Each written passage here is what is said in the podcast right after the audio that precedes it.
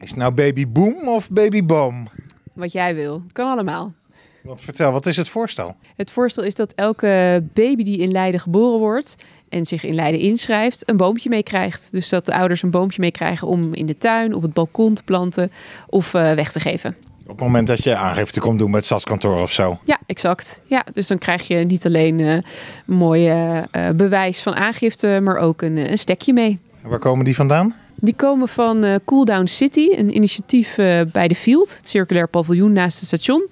En die hebben daar zelf een initiatief uh, opgezet om boomstekjes te verzamelen, maar ook weer weg te geven. En nu dan specifiek voor baby's. Hoe, hoeveel baby's gaat het eigenlijk om in Leiden? Er worden meer dan 3000 baby's per jaar geboren in Leiden. Maar dat komt ook omdat we een regionale functie hebben vanwege het ziekenhuis.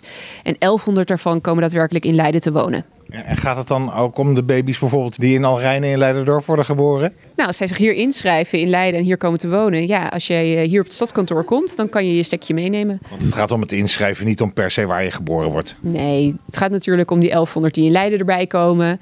Maar iedereen uh, mag in principe een boompje meenemen. En is het dan een, uh, een proef of gewoon invoeren, die handel?